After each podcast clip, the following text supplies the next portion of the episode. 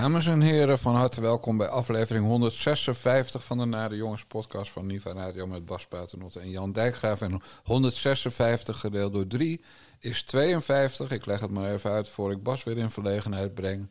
En dat betekent dat de Nare Jongens podcast vandaag drie jaar bestaat. Gefeliciteerd Bas Paternotte. Gefeliciteerd Jan Dijkgraaf. Hadden we niet gedacht. Hè? Het was een experimentje. We gingen ook een beetje proberen.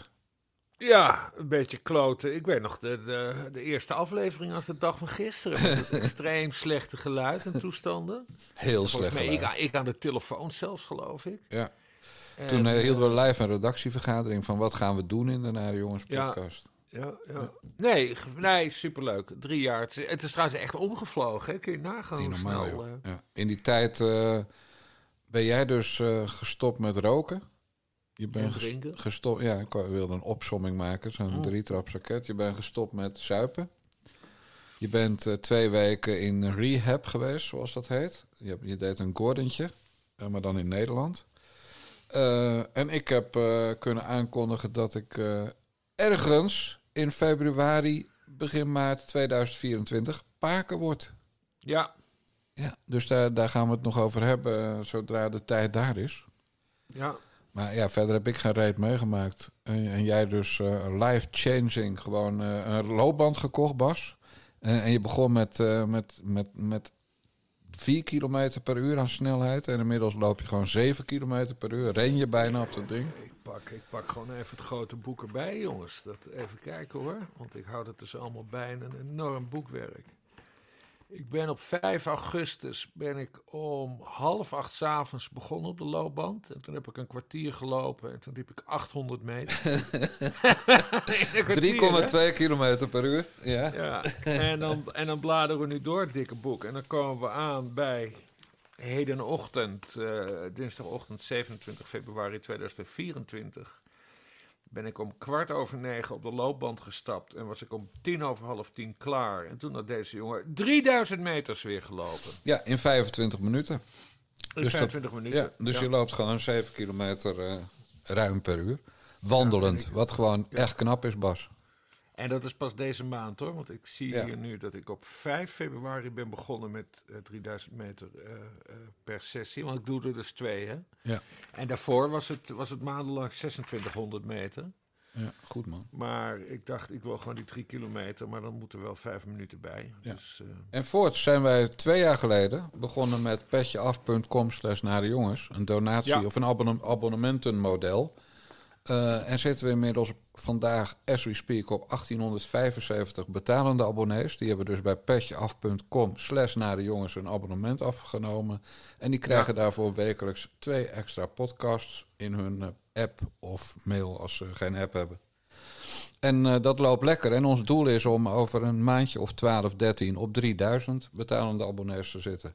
Dus als je nog geen abonnee bent, als de sodemieter, melden op petjeaf.com slash naar de jongens. ja, ja nou, voordat, we, voordat we ons aan de, de current affairs eh, Ja. gaan tegenaan bemoeien. eh, we zijn dus begonnen in februari 2021. Toen was het nog coronacrisis, of niet? Jazeker. Of zaten we toen al? Nou ja, eh, aflopende crisis.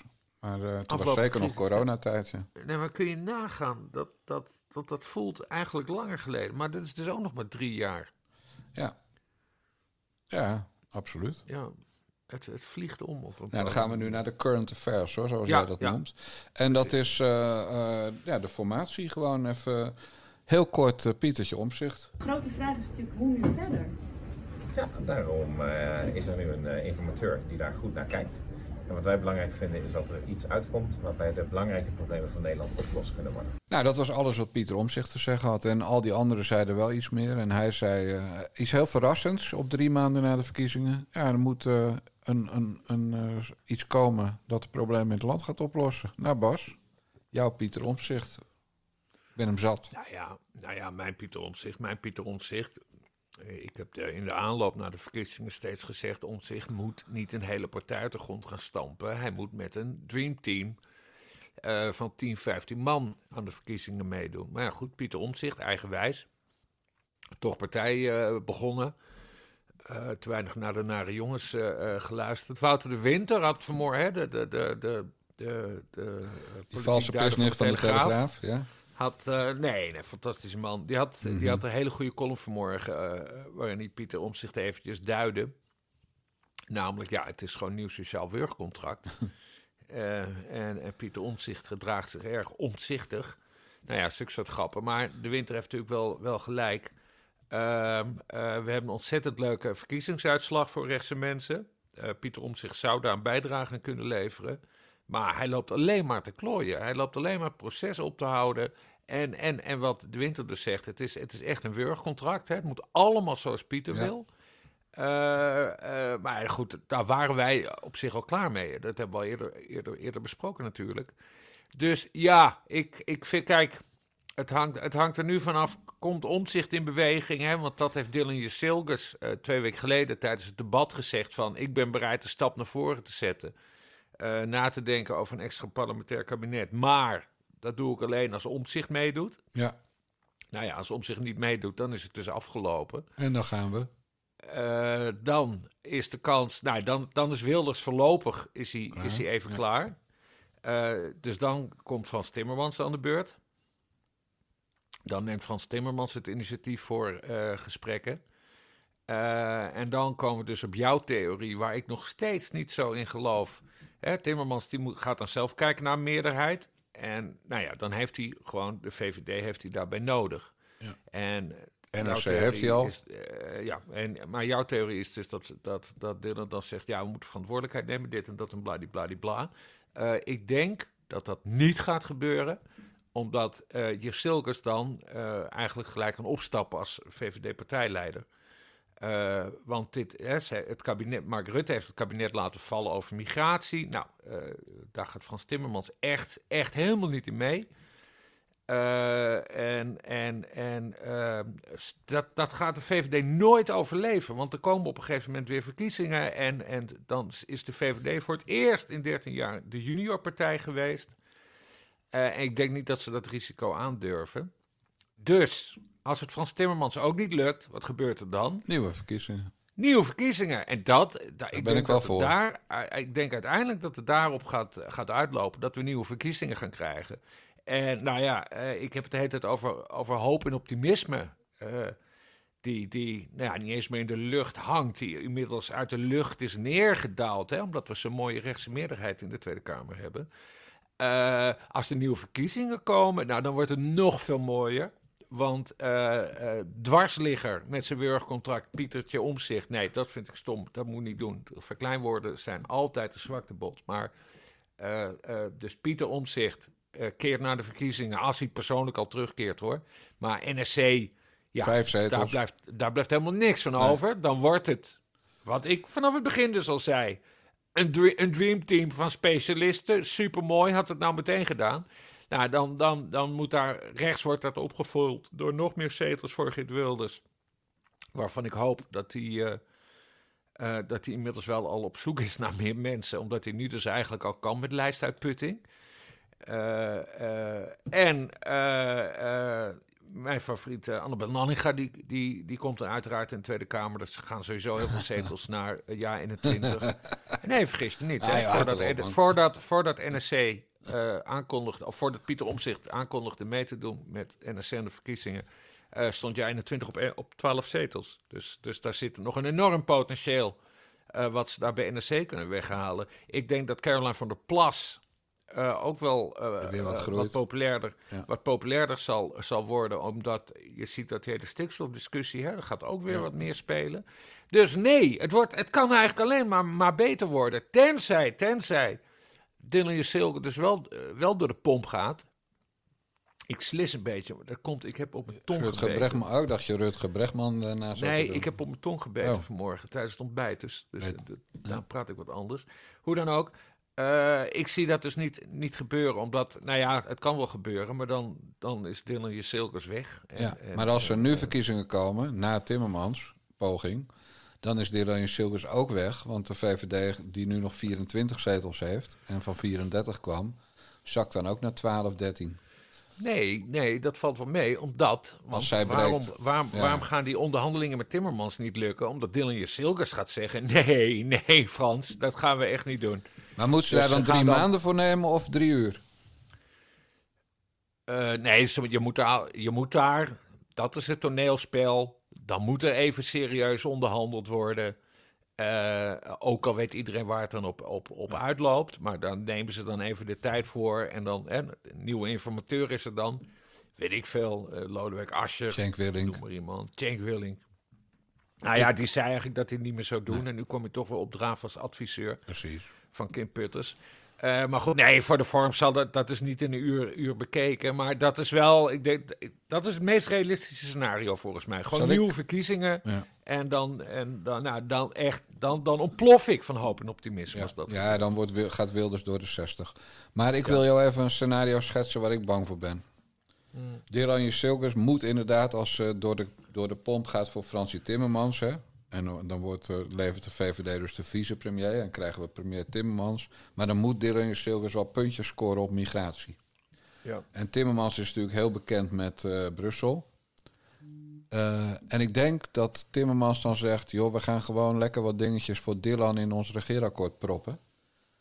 Eh, zodat Dylan bij de VVD op het congres goede sier kan maken met kijkers wat ik op migratie heb bereikt. Ja. En dat alles wat Dylan dan zogenaamd heeft bereikt op migratie gaat mislukken. Omdat eh, Brussel, de, de internationale verdragen, de rechters in Nederland, iedereen gaat dat eh, eh, frustreren. Ja. Of saboteren. Dus dan heeft Dylan wel in het regeerakkoord allemaal mooie dingen die de migratie gaan beperken staan. Alleen nul dingen gaan het halen. Dat denk ik. Dus dan komt ze het congres door met wij gaan het doen. Eigenlijk zoals de VVD al een paar jaar roept, eh, migratie moet worden aangepakt. Eh, en dan lukt het niet, maar dan ligt dat niet aan de VVD. Nee, dan ligt dat aan Brussel. Dus ik denk dat de tactiek van Dylan dan wordt, en, en ook van Timmermans, dat Timmermans dan op het congres van de PvdA GroenLinks zegt... jongens, eh, ik heb wat concessies moeten doen, maar eerst maar even zien... en dat hoeft hij niet te zeggen, maar dat snappen ze allemaal daar... eerst maar even zien of dit allemaal lukt qua wetten, qua verdragen, qua Europa. Ja, ja, ja. Dat is mijn angstbeeld. Dus, dus mijn ja, hoop en het kan, optimisme. het kan, maar het kan, maar ik, ik, ik, zie, het, ik, zie, het, ik zie het niet gebeuren. Eh, ook, kijk, kijk hoe de PvdA, PvdA GroenLinks er nu bij staat. Hè. Eh, Timmermans heeft nog steeds de antisemitische tendensen in zijn partij Ja, niet onder de knie Nee, gekregen. steeds groter. Eh, kijk wat er gebeurt met Tovik Dibi en, en die Sabine Scharwachter, SS. Hè, mevrouw SS in, in Amsterdam.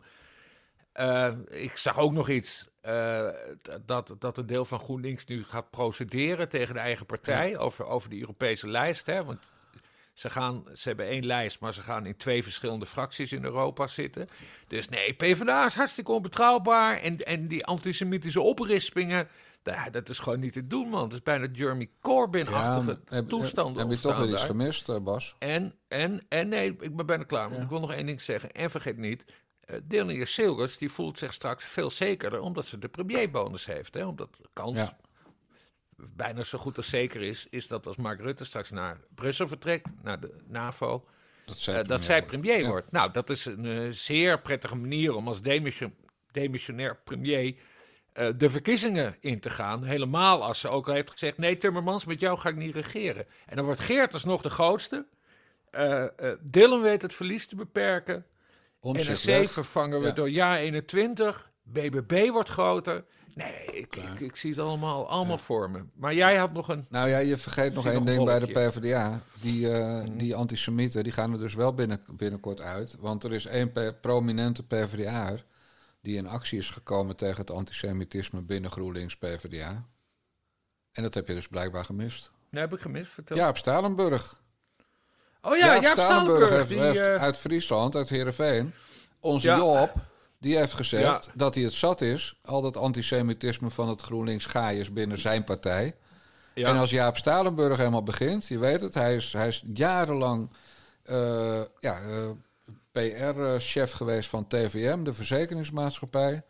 Hij is gelouterd als, eh, als journalist en als, als woordvoerder en, en als eh, ja, ook strateeg, hè? partijstrateeg. Dus ik denk Ja. dat Jaap Stalenburg ervoor gaat zorgen dat dat, dat antisemitische gaaiers uit GroenLinks PvdA wordt verwijderd. Dat denk ik. Ja. En, en dan is ja, dan, dan is Timmermans weer een iets betrouwbaarder partner voor Dylan Jusilkes. ja, Ik, ja. ik, maar goed, ik, ik wil graag eh, Ja, hopen. theo- ja, het, ja het, het, het is sowieso het is zeer te prijzen. Want ik, ik heb die tweet wel gezien, ja, dat Stalenburg dat als dat zei.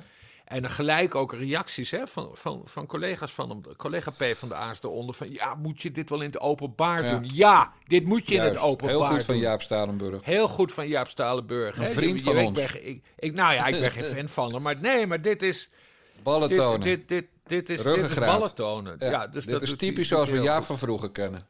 Ja, Toen hij nog Starfucker heette bij Geen Stijl. ja Oh, nee, dat- collega van mij, kun je nagaan. Ja, zo is dat wel. Je had het over de premierbonus. Eh gisteren en vanochtend, en, van, en nu dus, is een andere premier uit de, uit de EU eh, in het nieuws. En ik heb een stukje van de Engelstalige Frans Douze. In other news, French President Emmanuel Macron will be hosting a conference on Ukraine at the Elysee Palace. The gather- gathering this Monday aims to show continued Western support two years after Russia's invasion began. Macron is eager to project European unity as fears grow that America's support to Kyiv could wane, especially if Donald Trump returns as president. For more on this story, we can bring in our international affairs editor. Dit was eh, voor het begon in, eh, in, Fra- in Frankrijk. Eh, We zagen een heel mooi plaatje van de drie kandidaten voor het NAVO-voorzitter of secretaris-generaal, secretariaat-generaal. Eh, Johannes uit Roemenië, mevrouw Callas, geloof ik, uit Estland en Markie Rutte.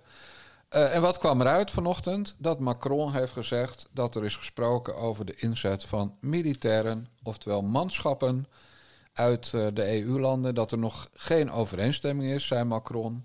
En Bas, ik ontplofte aan de keukentafel toen ik het las in de Telegraaf. Want, jij snapt wel waarom.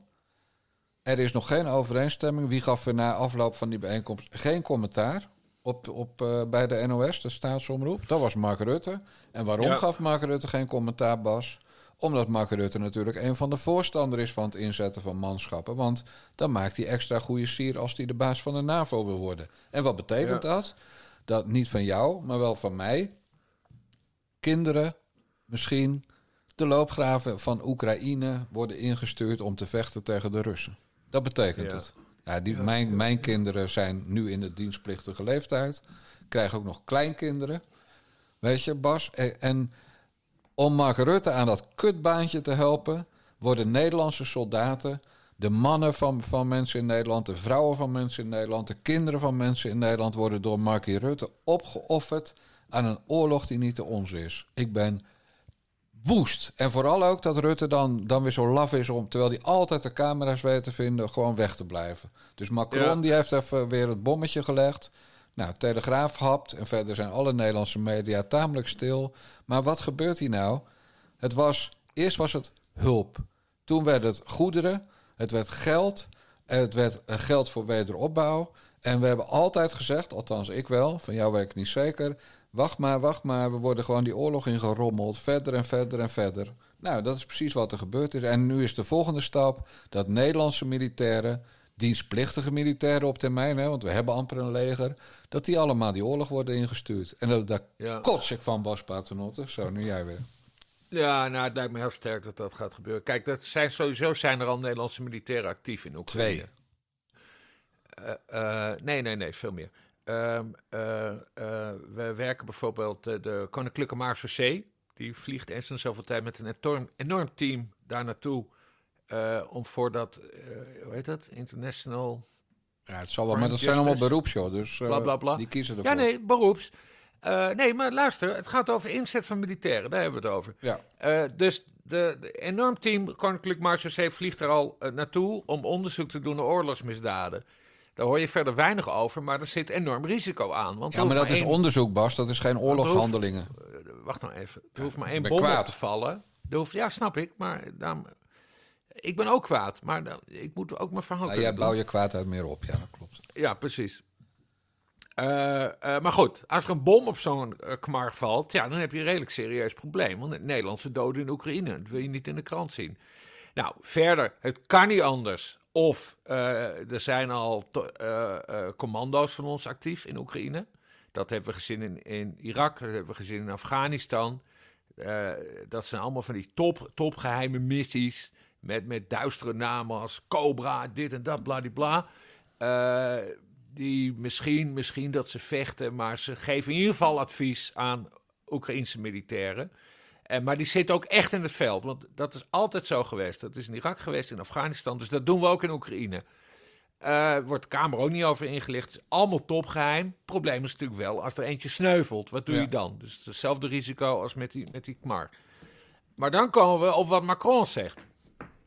Eh, die suggereert hier dat je dus dan echt Franse militairen... eh of Hij zei geen Frans, hoor. Ja, hij zei geen Oké, Frans. nee, maar goed. Maak er er weer van. Ik heb iets van, ik heb iets van als meneer Macron dat zo graag wil, dan gaat hij maar zijn eigen mensen sturen.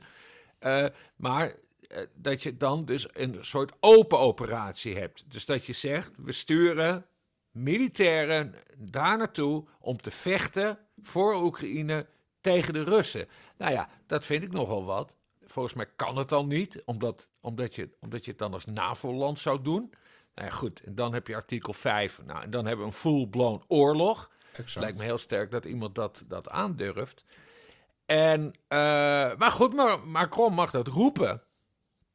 Als, als, als, als, als, als iemand in Nederland dat gaat roepen.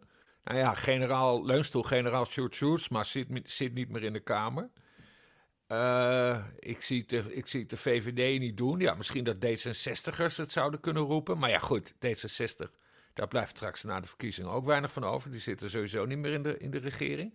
Dus ik moet dan nog maar zien of er een Kamermeerderheid te vinden is om Nederlandse militairen eh, daar naartoe te sturen. Omdat, hè, want als je het dus zo doet, dus echte manschappen daar naartoe stuurt, dat kan eigenlijk niet zonder de Kamer. Omdat het zo'n belangrijke beslissing is. Omdat we dan voor het eerst sinds Afghanistan en Irak eh, weer Nederlandse militairen daar naartoe gaan sturen. Maar naar een, naar een potentieel veel groter conflict. Hè? Want een Irak. Afghanistan, dat, we- Irak, Afghanistan, dat, dat waren toch een beetje een soort apenlanden eigenlijk. Hè? Dat konden wij wel hebben als, als, als, als NAVO. Israël Maar ja, goed. Maar dit is dan NAVO versus Rusland. Nou, dat vind ik nogal wat. Dat is een Dus ik wereldoorlog, geloof, ja. ik geloof, eh, dus Nederland gaat er sowieso niet aan, eh, aan meedoen. Maar dan krijgt Rutte van zijn Haga. baantje niet. Wieberen van Haga zei er altijd wat moois over. Die heeft heel vaak aan Mark Rutte gevraagd tijdens debatten over Rusland en Oekraïne. Meneer Rutte, bent u bereid te sterven voor eh, Oekraïne? Want als je mensen daar naartoe stuurt, dan moet je zelf ook bereid zijn dat hoogste offer te geven.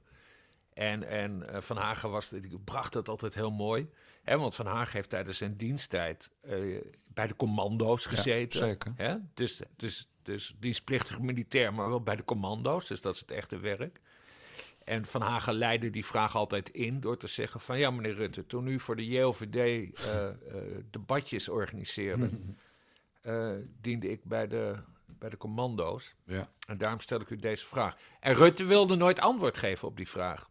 Nee, dat was dus Het is nee. ook een beetje een rare vraag, hè? want waarom zou je de premier vragen: bent u bereid te sterven voor Oekraïne? Want ik bedoel, te oud om, om, om te vechten. Maar er zit natuurlijk wel een belangrijke vraag achter. Eh, ben je bereid Nederlandse militairen de dood in te jagen? Of de dood in te jagen? aan het risico, aan het risico bloot te stellen dat ze, dat ze sterven. Nou, dat, eh, Jan-Peter Balkenende eh, is daartoe bereid geweest in Irak en in Afghanistan. Rutte in zekere zin ook, hè, in de afwikkeling van de missies daar. Maar dit is zo'n next level dat we, dat we fucking voor Oekraïne zouden moeten gaan vechten. Nee, ik zie het niet gebeuren en anders... de nare jongens zijn in ieder geval tegen. We gaan een enorme stampij daarvan maken. Ja, dat zal helpen, ja. En, eh, maar ik denk vooral dat, dat, het- dat, ja, het komt nooit door de Tweede Kamer, Jot, zo'n voorstel. Dat is, dat is echt, echt, echt uitgesloten dat Nederlandse dienstplichtigen daar naartoe zouden gaan. En, en als de beroeps naartoe gaat, zelfs dat lijkt mij heel erg sterk omdat het zo'n ander conflict is dan... eh, Irak, Afghanistan was, was redelijk overzichtelijk. Ik kan het mezelf niet voorstellen dat ze, dat ze beroeps er naartoe sturen. Anders dan de Koninklijke Marechaussee die er al actief is. En geheime missies die er sowieso zijn. Ja. Nou, dames en heren, 27 februari 2024 Bas Paternotte heeft gesproken. Lijnstel-generaal Paternotte. En is Jan Dijkgraaf in Eerstega gerustgesteld voor geen meter. Voor geen meter. Nee, want Mark Rutte zijn baantje bij de NAVO gaat voor alles. En de VVD gunt hem dat baantje. En de VVD heeft al heel veel concessies gedaan aan wat vroeger de VVD was.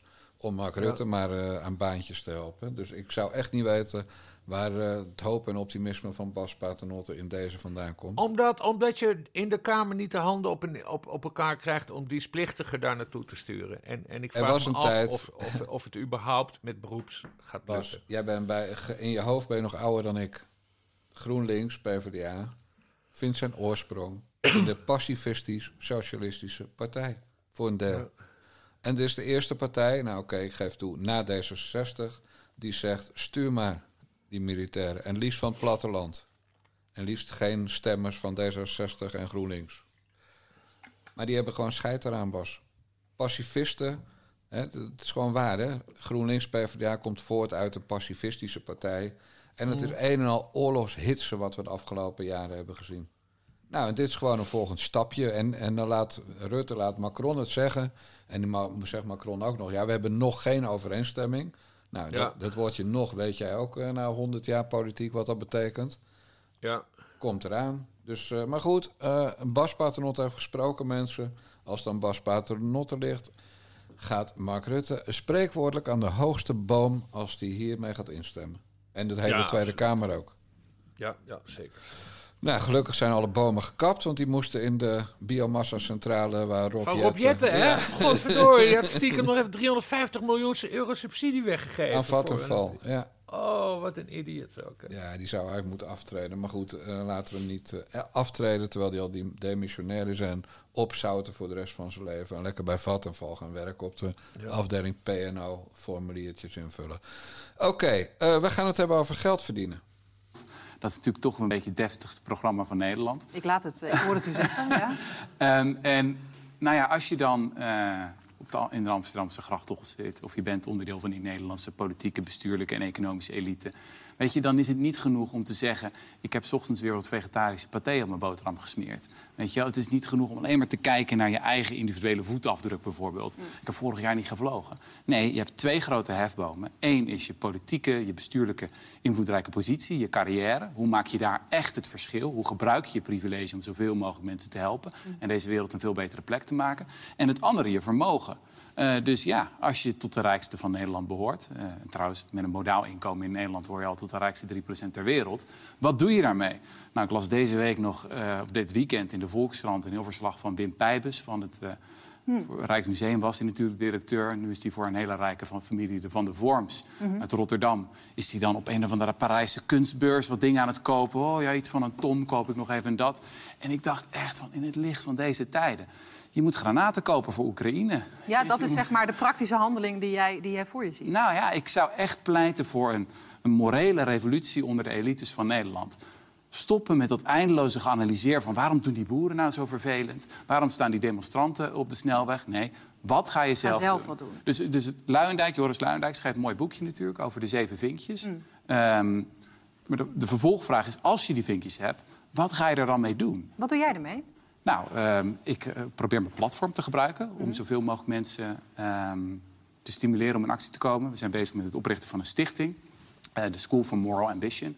Wij willen eigenlijk zoveel mogelijk mensen die nu, nou, laten we zeggen, op de Zuidas werken als Mhm. topadvocaat of consultant of bankier, die willen we uitdagen om eh, naar een, be- een beroep te gaan, een baan waarin ze veel meer positieve impact hebben voor de wereld.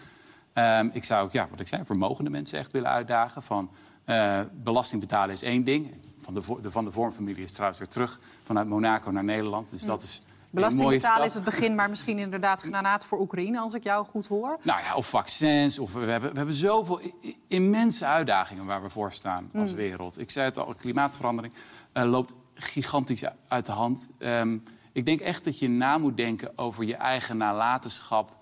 Van oké, ehm, sta ik in de quote 500 of sta ik in de geschiedenisboeken? Nou, Doe het ik iets wat er echt toe doet? Al dus Rutger Brechtman van de correspondent. Multimiljonair dankzij een boekie. Die nu inderdaad iets heel goeds voor de wereld gaat doen. Hij heeft natuurlijk al een platform. Een website dus. En dan begint hij ook een stichting. Voor een, voor een, st- een, een- wat was het? Een University of Moral eh, nog wat. Oh man. Kots van die gozer. Maar goed, belangrijkste Bas. Dit, deze gast, hè, deze, deze Quibus, deze, deze non-valeur van de correspondent... die was twee jaar geleden nog tegen eh, het kopen van bommen. Tegen oorlog. Hè, pacifist, zoals ik net zei. En die zegt nu gewoon dat rijke mensen moeten geen kunst kopen. Nee, ze moeten granaten kopen en die doneren aan Oekraïne. Kots Ja. van die gozer. Ik, ik vraag me af of hij überhaupt weet wat een granaat kost. Want alleen al de Verenigde Staten... die hebben geloof ik iets van duizend miljard uitgegeven aan Oekraïne. En dat is nu dus echt al bijna op. Maar oorlog voeren is hartstikke duur. Dus ja, het is allemaal heel schattig dat, dat hij daar ook aan wil bijdragen. Met zijn stichting. Ja, dat, dat werkt helemaal niet. Waar, waar wel wat voor te zeggen is, is dat rijke mensen eh, eh, zich, zich inzetten voor bijvoorbeeld innovatie. Van hè, hoe kunnen wij makkelijk kunnen wij een wapensysteem bedenken waarmee wij de Russen makkelijker in de pan kunnen hakken. Daar ben ik helemaal voor, hè? want ik ben, ik ben hartstikke voor wapens namelijk. Ik vind het hartstikke gaaf, wapenindustrie.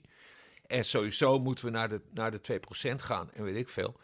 Maar goed, dit is die, die, die Brechtman. eh, Totaal naïef verhaal. Alsof rijke mensen wapens zouden kunnen kopen. Nee, wapens zijn gewoon heel duur. En alleen landen kunnen dat kopen. En nou ja, wat ik zei, Amerikanen die hebben er al duizend miljard aan uitgegeven. Nou, Nederland heel weinig. We zitten nu op nog geen 4 miljard, geloof ik.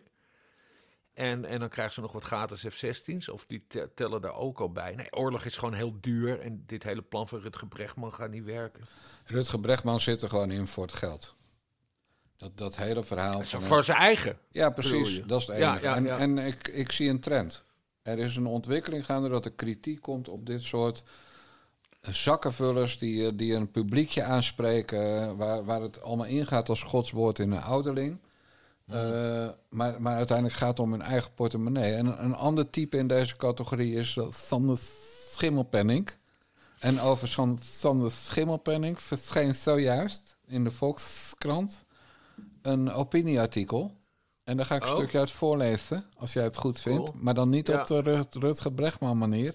Want dat, dat leidt Nee. nogal af, die F'jes. Het is mega irritant, dat geslissen. Precies. Terug. Sorry. ik ga nu citeren uit die opinie van de Volkskrant. En je gaat niet googelen, Bas Paternotte. Niet googelen. Terug naar Schimmelpenning. De wijze waarmee hij zijn pleidooien opbouwt om uiteindelijk zijn mening kracht bij te zetten, is altijd dezelfde. Hij knoopt alles waar hij het niet mee eens is aan elkaar, gooit er voldoende krachttermen in en waardering als lui, onverantwoordelijk, fascistisch, wappies, zogenaamd en dom en rondt af door dit te verwerpen. Of het nu over vrouwen gaat die te weinig zouden werken, of PVV-stemmers die dom zouden zijn, of over populisten, de opbouw is altijd gelijk. Zij die niet deugen, en jullie, beste lezer, die daar toch niet bij horen. Sander en jij snappen het wel. Een heerlijk begin van de krant. Of je verslik je in je koffie, maar dan is niet reageren het beste. Want commentaar wordt ook altijd op dezelfde manier beantwoord.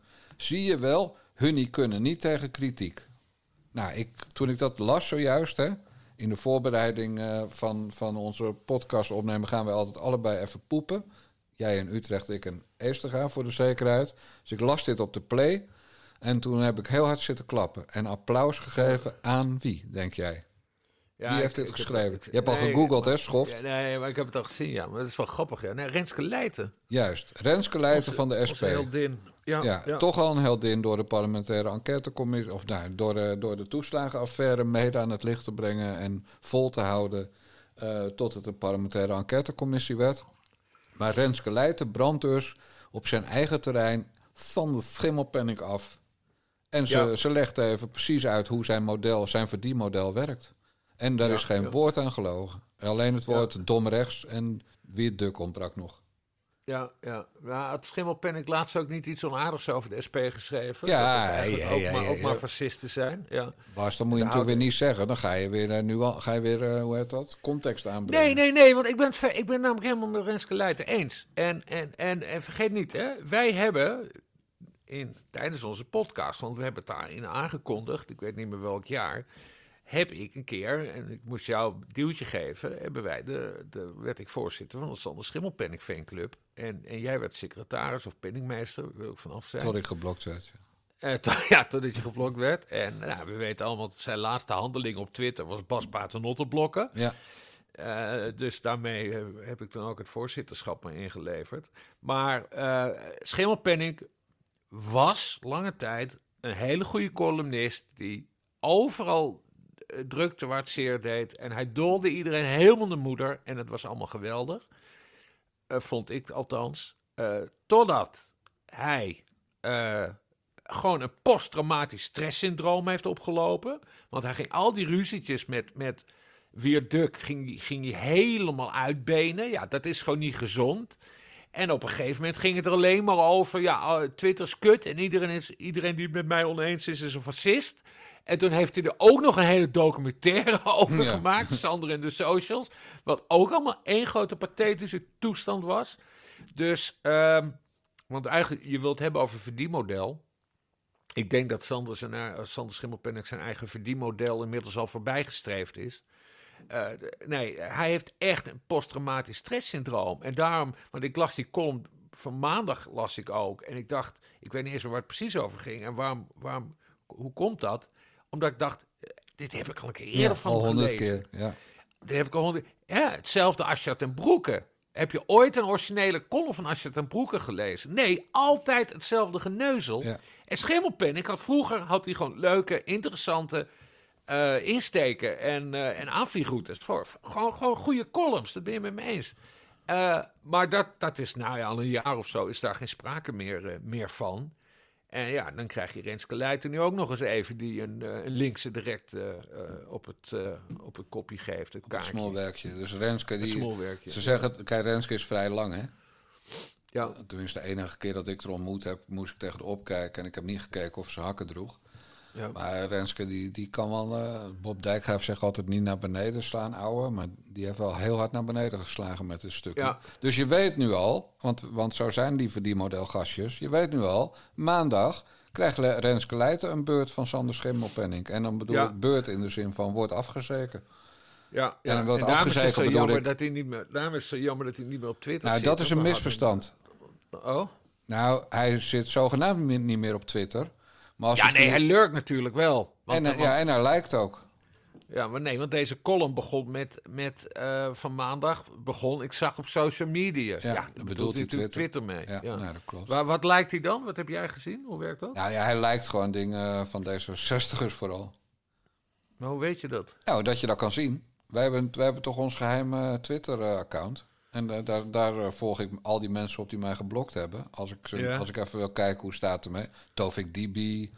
eh, oh, wacht. Hij lijkt nog steeds met zijn ja, met zijn Twitter-account. eigen Twitter-account lijkt hij nog Oh, steeds tweets. Oh, joh, wat grappig zeg. Wat Dat kan je gewoon zien. Onder de profiel staat zo'n zo'n dingetje like. En als Ja, je daarop ja. klikt, zie je wie die, wat hij geliked heeft. Wat een trut. Dus hij hè. zit er gewoon nog de hele dag op. Alleen, kijk, weet je wat, en, en dan gaat, daarom wil ik het over verdienmodel hebben. Iedereen, zeg maar, uit onze kring of erger, hè? dus iedereen die, deze, die rechts van D66 stemde, zullen we maar zeggen, Mm. die zat natuurlijk elke maandag piswoest op Twitter over die columnpies van die schimmelpenning te kankeren. Ja, En dat betekende dat iedereen erop klikte. En dat betekende dat hij elke dag, elke maandag, het best gelezen artikel op volkskrant.nl was. ja. En ik, je weet dat ik van de cijfertjes ben. Ik ben gek op cijfers. En dus ik volg het al een tijd. En sinds die van Twitter af is, zogenaamd, is hij nooit meer nummer 1 meest gelezen op maandag. Dat zijn altijd andere stukjes. En wat Ja. hoe werkt dat bij DPG? Dat hebben we in het boek van Mark Koster, De Belg, kunnen lezen over Van Tillo en DPG. Ze worden allemaal afgerekend, in positieve en negatieve zin, op kijkcijfers en hoeveel nieuwe abonnees eh, ze binnenbrengen. Angela de Jong 1 en Maarten Keulemans 2 binnen, binnen de, de afgelopen jaren. Keulemans vanwege corona natuurlijk.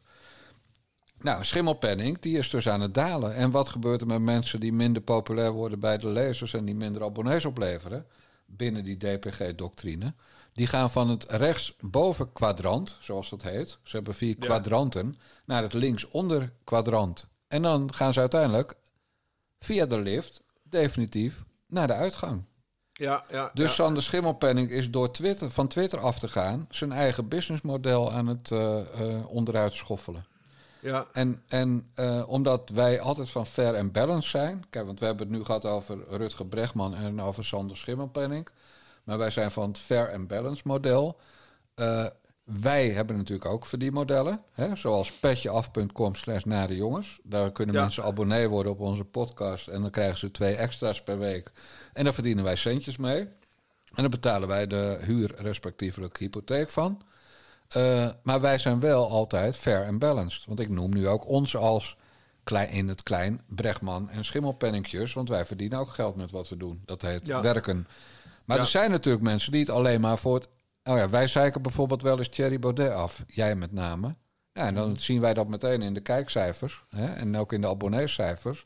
We hebben laatst Jan Bont eh, eh, afgezeken. En dan waren we meteen tientallen abonnees kwijt. Maar dat maakt ons Ja. niet uit. Wij zijn fair en balanced. Ja, ja, ja. En, en verder hebben we gewoon een mening. Maar we hebben natuurlijk aan de tegenover Bregman en Schimmelpenning staan natuurlijk twee van die blonde miepjes. Die aan de, aan de extreme rechterkant alles doen om, eh, om, om, om de kassa te laten rinkelen. Ja, Reisa en... eh, Reisa Blommestein en Eva En. Ja, Ja, die, ja, die ja, zijn echt in staat om, eh, om elk jaar te gaan zeiken over het feit dat kinderen op de basisschool seksuele voorlichting krijgen, zoals dat in mijn tijd heette. ja, En, en Bas, in mijn tijd, hè, dus dan hebben we het echt over 55, nou ja, laten we zeggen tussen de 50 en 55 jaar geleden, hadden we ook al seksuele voorlichting op de basisschool. En toen ging het niet over, over allemaal gendertypes. En toen ging het ook niet over scharen. Dat was nuttig handwerken. Nee, het ging over man en vrouw en piemel en eh, vagina. En dat je dan Ja. kindjes kon krijgen en dat de ooievaar dan kwam. ja, ja. Daar ging het ja. Maar dat had je al. En, en die wijven zijn... Het is weer deze week zover. Of deze maand. De, de maand van... eh, Ja, lente, lente Lentekriebels, lentekriebels. Of, ja, ja. ja, en, en maar we janken erover. En, en zodra ze janken... Dan is het kaching, kaching, kaching, kaching, kaching, kaching. En, en, en welke mensen zijn nou het meest tegen dat soort voorlichting? Dat zijn niet die kaching, kaching, kaching bezorgers bij die twee blondjes. Nee, dat zijn natuurlijk de moslims. ja. Nou, en daar hoor je ze niet over, want en daarom is het een verdienmodel. Ze hebben het nooit over dat moslims zo preut zijn. Nee, ze, hebben het gewoon, ze, ze, ze speculeren gewoon op de Bijbelbelt. Dat die eh kassa. En ze overdrijven. Ze doen net alsof kinderen van negen wordt geleerd dat je moet scharen. Terwijl je eh, helemaal niet lesbisch bent. Dat je in elk geval Ja. moet experimenteren met scharen. Ja, ik las, ik las trouwens dat het, dat, dat Lentekriebels-project... la- Dat las ik volgens mij op geen stijl, gewoon zelfs gisteren. Eh, eh, dat, dat, dat sluit aan bij wat jij zegt. Dat, dat begint, of kan op sommige scholen later beginnen vanwege de Ramadan. Ja, ook zo raar. What the fuck, hè? Dus, dus, dus, dus dat, dat, die moslims, dat is een veel groter probleem, ja. Maar goed, terug naar dat verdienmodel. Eh ik weet helemaal niet of dat wel lekker gaat met, met, met, met Raisa Ja, dat gaat lekker. Dat kan ik toevallig volgen op BackMe, waar ik ook zit. Ja? Oh. Daar zie, je daar zie je de laatste zes donaties voorbij komen die daar gedaan zijn. En ik sta heel vaak in die top zes. En Marijn Poels, die filmmaker, die documentairemaker, zegt wat je was, Ja. die in Oost-Duitsland woont. Ja. Roddelpraat staat, staat er heel vaak in. En Reisa Blommestein. En Ja. eh, gisteren kreeg ze bijvoorbeeld nog 1000 euro van iemand. Oké. Eh, maar, goed, ik, maar ik vind daar toch... Kijk, want die, die, Dat is, die, die, Eva die kan nog iets. die Vlaanderbroek, die, die heeft ook een zwaar internationaal netwerk. En, Ja. en een miljoen volgers op Twitter en zo. En die, die, en- die twittert met Elon Musk. Ja, precies. En, en Blommestein is dan toch meer de poor man's Eva Vlaardingenbroek. 100 wel. procent. Ja. En, en, en ik vind, je kan, ik ben ook geen fan van Eva Vlaardingenbroek, maar ze heeft, ze heeft tenminste wel een echte leuke glimlach. Nou, dat kun je ook niet van Reisa zeggen. Dus ja, de is- omgekeerde Reis- glimlach. Ja, de omgekeerde. Dus Reis Blommestein is echt een goedkope, afgetrokken versie van, van, van Eva. Maar goed, wij zijn voor verdienmodellen. Ik ontzeg het haar 100 verder niet, hè. 100 procent. Ja. Weet je nog, dat toen, toen zij aankondigde dat ze wegging... bij, bij Ongehoord Nederland, bij de NPO. Ja. En dat iemand ging zeiken op Twitter... ja, nu gaan we er ook... nu gaan we, moeten we de boycotten bij Back Me. Nee, juist niet. Laat dat mensen toch gewoon de eigen centjes Ja, hoor, verdienen. helemaal dat, doen- eens. dat, dat echt, ik vind dat zo flauw. Ik reet er ook, retweet haar ook wel eens. Dan denk ik, nou, dan geef ik dat meisje toch wat extra exposure. Met mijn Exposure, 100 111.000 eh, eh, volgers op Twitter. Ja. Zo ben ik dan. Ja, ik bedoel, eh, ik mag, wel, ik mag wel alles verafschuwen wat ze doet.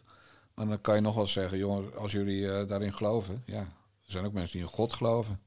Of, Ja. in, of in Allah. Maar nou, ja, dan, dan sponsor, je dat grietje toch. Als het maar niet ten koste van mijn donaties gaat en onze abonnementen. En Zo dan mag. Rutger Bregman van zijn, van zijn winsten... want hij heeft wel lekker gedraaid met die boekjes. mag je wel zeggen, ja. maar maar dat, zal dat een paar... 2 miljoen, 3 miljoen? Wat zou hij daar nou over hebben Nee, die is wel miljonair, ja. Ik weet niet Ja, hoeveel. nou wel goed, maar dat zijn dus echt tien granaten of zo. En dan is het geld op. Dat, eh, Nou, laat hij nou eens beginnen met één in plaats van zijn platform en zijn, en zijn stichting. Met, met een moral eh, studies. Flikker op, Ja. man. Gewoon eh koop één granaat, Brechtman. En nog, Ja. li- nog liever, ga hem gewoon zelf brengen. Trek het dingetje, de pin eruit. En gooi hem. En, en dan schat ik dat je zulke meidenkracht in je armen hebt. En dan bedoel ik meiden van vroeger. Dat, Ja, je, dat dat, je gewoon zelf midden in je smoel krijgt, dat ding. ja, op zijn grote teen laten Ja. vallen dan. En gaan wij dan huilen, Bas Paternotte? Oh, wij wensen niemand dood, Jan. Wij wensen Nee, maar we gaan ook niet huilen. Laten we toch eerlijk zijn. Nee, nee, nee, nee. Oké, hey, eh, er komt een EK voetbal aan. Komende, Ja. eh, dus ik ben het een beetje al aan het volgen. Ik neem Nou, maar- komende wanneer? Ik weet niet eens wanneer Zomer. het begint. Deze zomer. Oh, Ja, leuk, leuk. EK voetbal en, Olympische Spelen. Dus dat is voor een mooie sportzomer.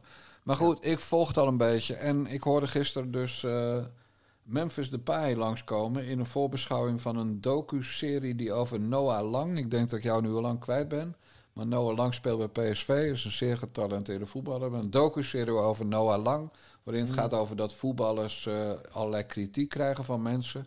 En dan zei Memphis Depay, die een vriend is van Noah Lang... en van eh, de crimineel Quincy Promes...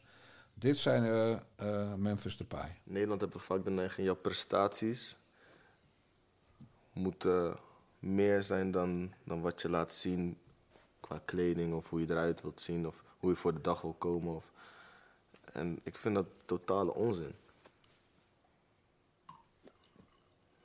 Dat is een brainwashed system, systematisch iets wat op ons wordt gedrukt. En ik heb, dat- ik heb dat al jaren geleden geboycott. Want dat is gewoon iets wat onzin is en ze houden het boven ons hoofd.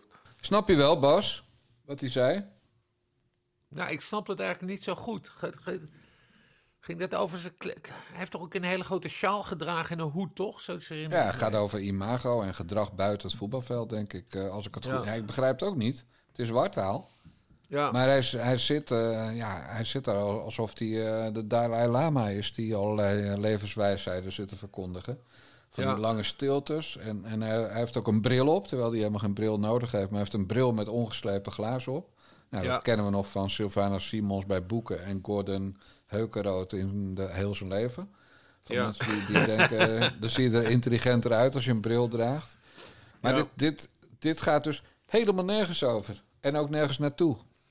En er was de website Voetbalpraat. Die zit dan op Twitter en die deelt dan zoiets.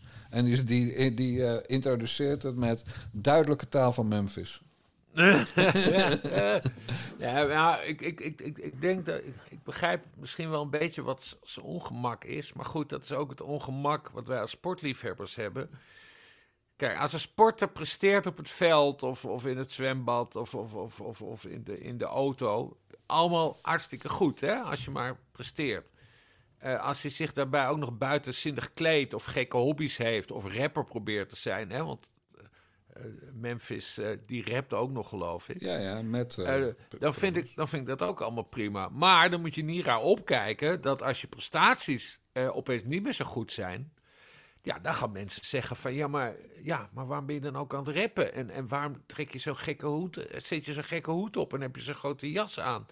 Moet jij niet gewoon met je voetbal bezig zijn? Dat is gewoon een hele normale menselijke reactie. En of dat nou, of dat dan terecht is, Nou ja, dat hangt, er, dat hangt er vanaf. Ik bedoel, hij gaat niet minder slecht voetballen van, van een gekke hoed, denk ik. Ik denk wel dat je slechter gaat voetballen als je ook een, ook een rapcarrière probeert na te streven. Als topsporter moet je gewoon dan ook echt bezighouden met je sport, lijkt, lijkt mij. Nou ja, en daar loopt hij tegenaan. En daar, daar hebben ze nu dus een hele documentaire over gemaakt, begrijp ik. Ja. Sander Schimmelpen, nou die gaat over Noah Lang, hè? Lastpak heet hij. Omdat Noah Ja. Lang een lastige speler is, maar inmiddels tot bloei komt. Is Ja. gekomen. Eh, maar eh, nee, je hebt gewoon gelijk. Maar wat, wat hij eigenlijk bedoelt is, bemoei je niet met mij, ik ga mijn eigen gang. En dat is ook de reden waarom hij bevriend blijft bij, met die gast die zijn neef in zijn knie eh, stak met een Ja, mes. die Promes-gast, Ja, ja. en duizend kilo cocaïne wilde vervoeren naar Nederland en gepakt is. En die, die inmiddels 7,5 jaar gevangenisstraf op zijn naam heeft staan. Ja, en nog in, zit hij nog in Rusland? ja, als zodra die? Rusland uitkomt en naar een land gaat met een uitleveringsverdrag, dan wordt hij opgepakt. Dan gaat hij verschut. Ja, dus die, hij heeft ook eh, een, een verzoek ingediend om Rus te mogen worden. Nou, alleen dan ben je al knettergek, hè? Als je Ja. op dit moment Rus wil worden. Eh, crazy. Ik ben, ik, ben, ik ben heel erg voor loyaliteit en vriendschap. Maar ja, je speelt toch je, je, je speelt ook in het Nederlands elftal. Ik vind het wel ingewikkeld hoor. Je moet dan toch wel iets zeggen over. eh, Ja, natuurlijk. Veroordelen over- gewoon. Het is Ja. mijn vriend, maar dit had hij niet moeten doen. Dit vind ik heel precies. fout. Ik hou er Ja. niet van als je mensen dood probeert te steken... en, Nee. en, en duizend kilo coke eh, naar Nederland probeert te brengen. Maar goed, een goed bruggetje van jou trouwens... over matenaaiers en of je matenaaier moet zijn. Eh, want Memphis Depay is een ongelooflijke kneus... Maar, maar we hebben een nog ergere kneus. En dan is niet de man die aan het woord komt... maar de man over wie we het daarna gaan hebben. Maar waar heb- hoe hebben wij erop gereageerd? Zeiden we dat vinden we een heel leuk idee? Of daar denken we even over na, wat wij er zelf van vinden? Ja, we hebben dat besproken. Ja. Met wie? Nou ja, dat is... eh, Ja, mag ik vragen met wie? Ja, nee, ik, ik heb geen ik heb hem niet gesproken. was even de vraag of ik We hebben dit besproken, zegt Pauline. Hij... gereageerd verder, dus ik heb hem niet gebeld. Nee, dus dat moeten we eigenlijk nu... Jongens, we zaten te wachten op een andere cartoon. Even orde. Mag ik hem zien? Dat is een PR'tje voor die ene insluit. Of wil je dat uit je hoofd doen? Dan de insluit.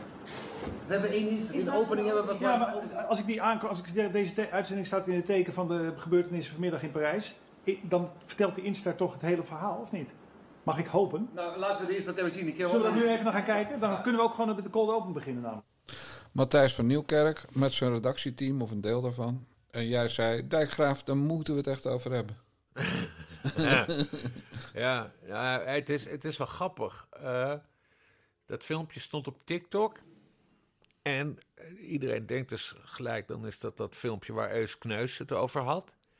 Hè, dat er een filmpje rondging in, eh, in Hilversum eh, waar ja, Matthijs veel uithaalde en zo. Maar het, het heeft toch alle schijn van, zegt de altijd goed geïnformeerde Yvonne Kolderweijer... ja, dit is het filmpje. Ja. Maar nou, los van het feit dat er helemaal niet zoveel gebeurt, dit is gewoon. Hier gebeurt er, geen reet. Er gebeurt geen reet. Nee. Dit, is, dit, hè, dit, dit zijn repetities of zo. Ja, dit is een gesprek op de heet het, studiovloer, weet ik hoe Ja. je dat noemt. Eh, maar nog veel mooier is, is dat het dus uit een documentaire komt over De Wereld Draait Door. Ja. Dit, is, dit zijn dus beelden die, die zijn uitgezonden in 2015 of zo. Dus iedereen heeft die kunnen zien. Iedereen heeft het dus kunnen zien. En eh, ja, nou, Eustad is, eh hoe heet die, Akiol? Akiol. Staat wel ontzettend voor lul. Totdat ik een, eh, ik, ik ging me, ik verplaats me de laatste tijd steeds vaker in Jan In? Hè? Oh, in Jan nee, Benning. in- nee, Oh, in Super ja. Jan. Ja. Van- omdat, want Jan heeft wel een beetje gelijk in zijn complottheorie denken. Eh, hij, hij, hij, hij, hij probeert altijd, een van zijn theorieën is van alles wat er gebeurt is afleiding voor iets anders. Of wat je ziet is, is, eh, is een aanleiding, eh, of nee, is een tool om wat, er, wat je denkt dat er is gebeurd aan te passen. Nou ja, goed, heel ingewikkeld verhaal. Ja. Hij heeft dat wel eens op Twitter proberen uiteen te zetten. Maar die theorie van Jan Benning, als, hoe kijkt Jan Benning hiernaar? Of hoe kijk ik hiernaar met Jan Benning ogen? Eus wist dat dit het filmpje is, waar weinig in gebeurt. En hij, heeft dat, eh, hij is erover begonnen in de hoop dat het gelekt zou worden. Omdat er heel weinig gebeurt. En daarmee probeert hij zijn vriend Matthijs van Nieuwkerk vrij te pleiten. Is dat even een stukje complotdenken van Bassie, of wat? Ja, dat is ook complotdenken waarvan ik hoop dat Eus het niet hoort. Want hij is dom genoeg om het eh, vanavond of wanneer dan ook in Vandaag in Site eh, te gaan vertellen. Dat het Mhm. allemaal vooropgezet was om zijn vriend te redden. Ja, want dat is nou iets wat ze bij Vandaag in Site niet zullen pikken. En dan nodigen ze hem nooit meer uit. Want dan heeft hij dus Ja. zijn nieuwe vrienden van Vandaag in Site genaaid. Om zijn oude vriend Matthijs van Nieuwkerk eh, eerherstel te bezorgen. Dus ja, en, maar het, dat- staat dat- ook haak, het staat ook haaks op, op, op wat we weten uit dat, uit dat rapport inmiddels. Dus dat hij daadwerkelijk ook echt Ja. mensen heeft eh, tegen de grond gedrukt en weet ik veel. Maar volgens mij, Bas, heeft Eus gewoon die documentaire nooit gezien. En heeft Nee. hij drie zinnen van dit filmpje gezien. En dacht hij, Ja. nou, ik ga bij Umberto eens toe vertellen dat ik, eh, dat, ik, dat ik inderdaad niet meer helemaal achter mijn aller, allerbeste vriend Matthijs van Nieuwkerk sta. En dan voer ik Ja. filmpje op. En wat hij toen niet verwacht had, wa- was dat er werd doorgevraagd. En dat er ja, een situatie ontstond met, omdat hij zei, iedereen in Hilversum kent dat filmpje. En het gaat rond in appgroepen. Nou, en niemand kon het te pakken krijgen. Dus toen werd hij voor lul gezet. Ja. Eh, de- en dat is, dat is altijd met Eus. Hij, hij zegt, ik heb een boek geschreven. Ja, en zolang je meegaat in, oh leuk, vertel. eh, wil je misschien lezingen geven op school, 400.000? Dan wil je misschien 88 keer bij een talkshow komen over je boek. Ja, dan gaat het goed. Maar als iemand zegt, maar Eus, heb je het echt wel zelf geschreven? En hoe zit het dan met die personage? En ben jij wel echt de hoofdpersoon van je boek? Of is dat toevallig een oude vriend van je die, eh, die crimineel was? Terwijl jij gewoon keurig op de school voor journalistiek zat in die jaren? Kijk, dat soort vragen worden niet gesteld. Maar zou dat gebeuren, dan zou hij zich ook met zijn boek vastlullen. Of kunnen lullen. Ja. Vermeend, theoretisch. Ja, En- maar en- staat nu dus dubbel. Hij heeft zichzelf nu dubbel voor lul gezet. Exact. En nu heeft hij nog één groot probleem. En dat is dat hij niet meer terug kan. Want dat hebben al die mannetjes. Dat heeft Ahmed Marcous met het pissen op het graf van Joodse slachtoffers van 7 oktober. Je bent bekend met het briefje van Jan daarover. Ja. Dat, hij, dat hij zei, nee, die, tuurlijk gaan die mensen jou niet bellen, want je bent een racist. Zoiets Ja. zei hij tegen mij op joop.nl. Terwijl die mensen hem niet konden bellen, omdat ze allemaal vermoord waren door die ja. Ja. Nou, en, ah, en Ahmed Marcous en, en Eus, dat zijn van die macho-types... die gewoon niet de ballen hebben om sorry te zeggen... als ze een gruwelijke blunder hebben begaan. Nee. Nou, en, en dat is het manco van Eus. En daardoor gaat Eus zijn, eh, zijn carrière... ja, die gaat schimmelpenninken. Die gaat, eh, die gaat neerwaarts. Ja. En, dan, dan is hij straks alleen nog maar kapper. Nou, dat komt mooi uit, want ik hoorde vanochtend op de radio... dat er een tekort aan kappers dreigt. Nou, kan hij mooi met zijn tondeuzen lekker mannen gaan knippen. Ja. Zonder camera's Maar dit, erop. komt, dat, dit zal dan toch ook wel weer aan de orde komen in Vandaag in Site? Als hij er zit wel, ja. Tenzij Wilfred Gené besluit om hem te sparen. Omdat Johan Derksen gek van hem is. Kijk, we weten ook allemaal dat, dat Wierduk, hè, die ik hoog heb zitten... en die goede uitleg heeft over Rusland... maar Wierduk zit er alleen omdat Johan Derksen dat wil. Ja. Maar die andere twee, die moeten helemaal niet zoveel van, eh, van wie het hebben. Nou, en datzelfde geldt voor Eus, zolang Johan Terwijl Derksen... Van der Gijp toch een groot geopolitiek denker is. Absoluut, en anders zijn vrouw wel. Ja. Eh, nee, maar datzelfde geldt voor Eus. Zolang Derksen zegt uh, Eus moet blijven... en, en dat Ja. bepalen bij Talpa gewoon de kijkcijfers. Hè? Als Eus er Ja. zit, schijnt het goed bekeken te, te worden. Ja, dan blijft hij Ja. gewoon. En dan laten ze hem mee wegkomen. Ja. Maar, maar voor zeg maar, de objectieve buitenstaanders zoals wij...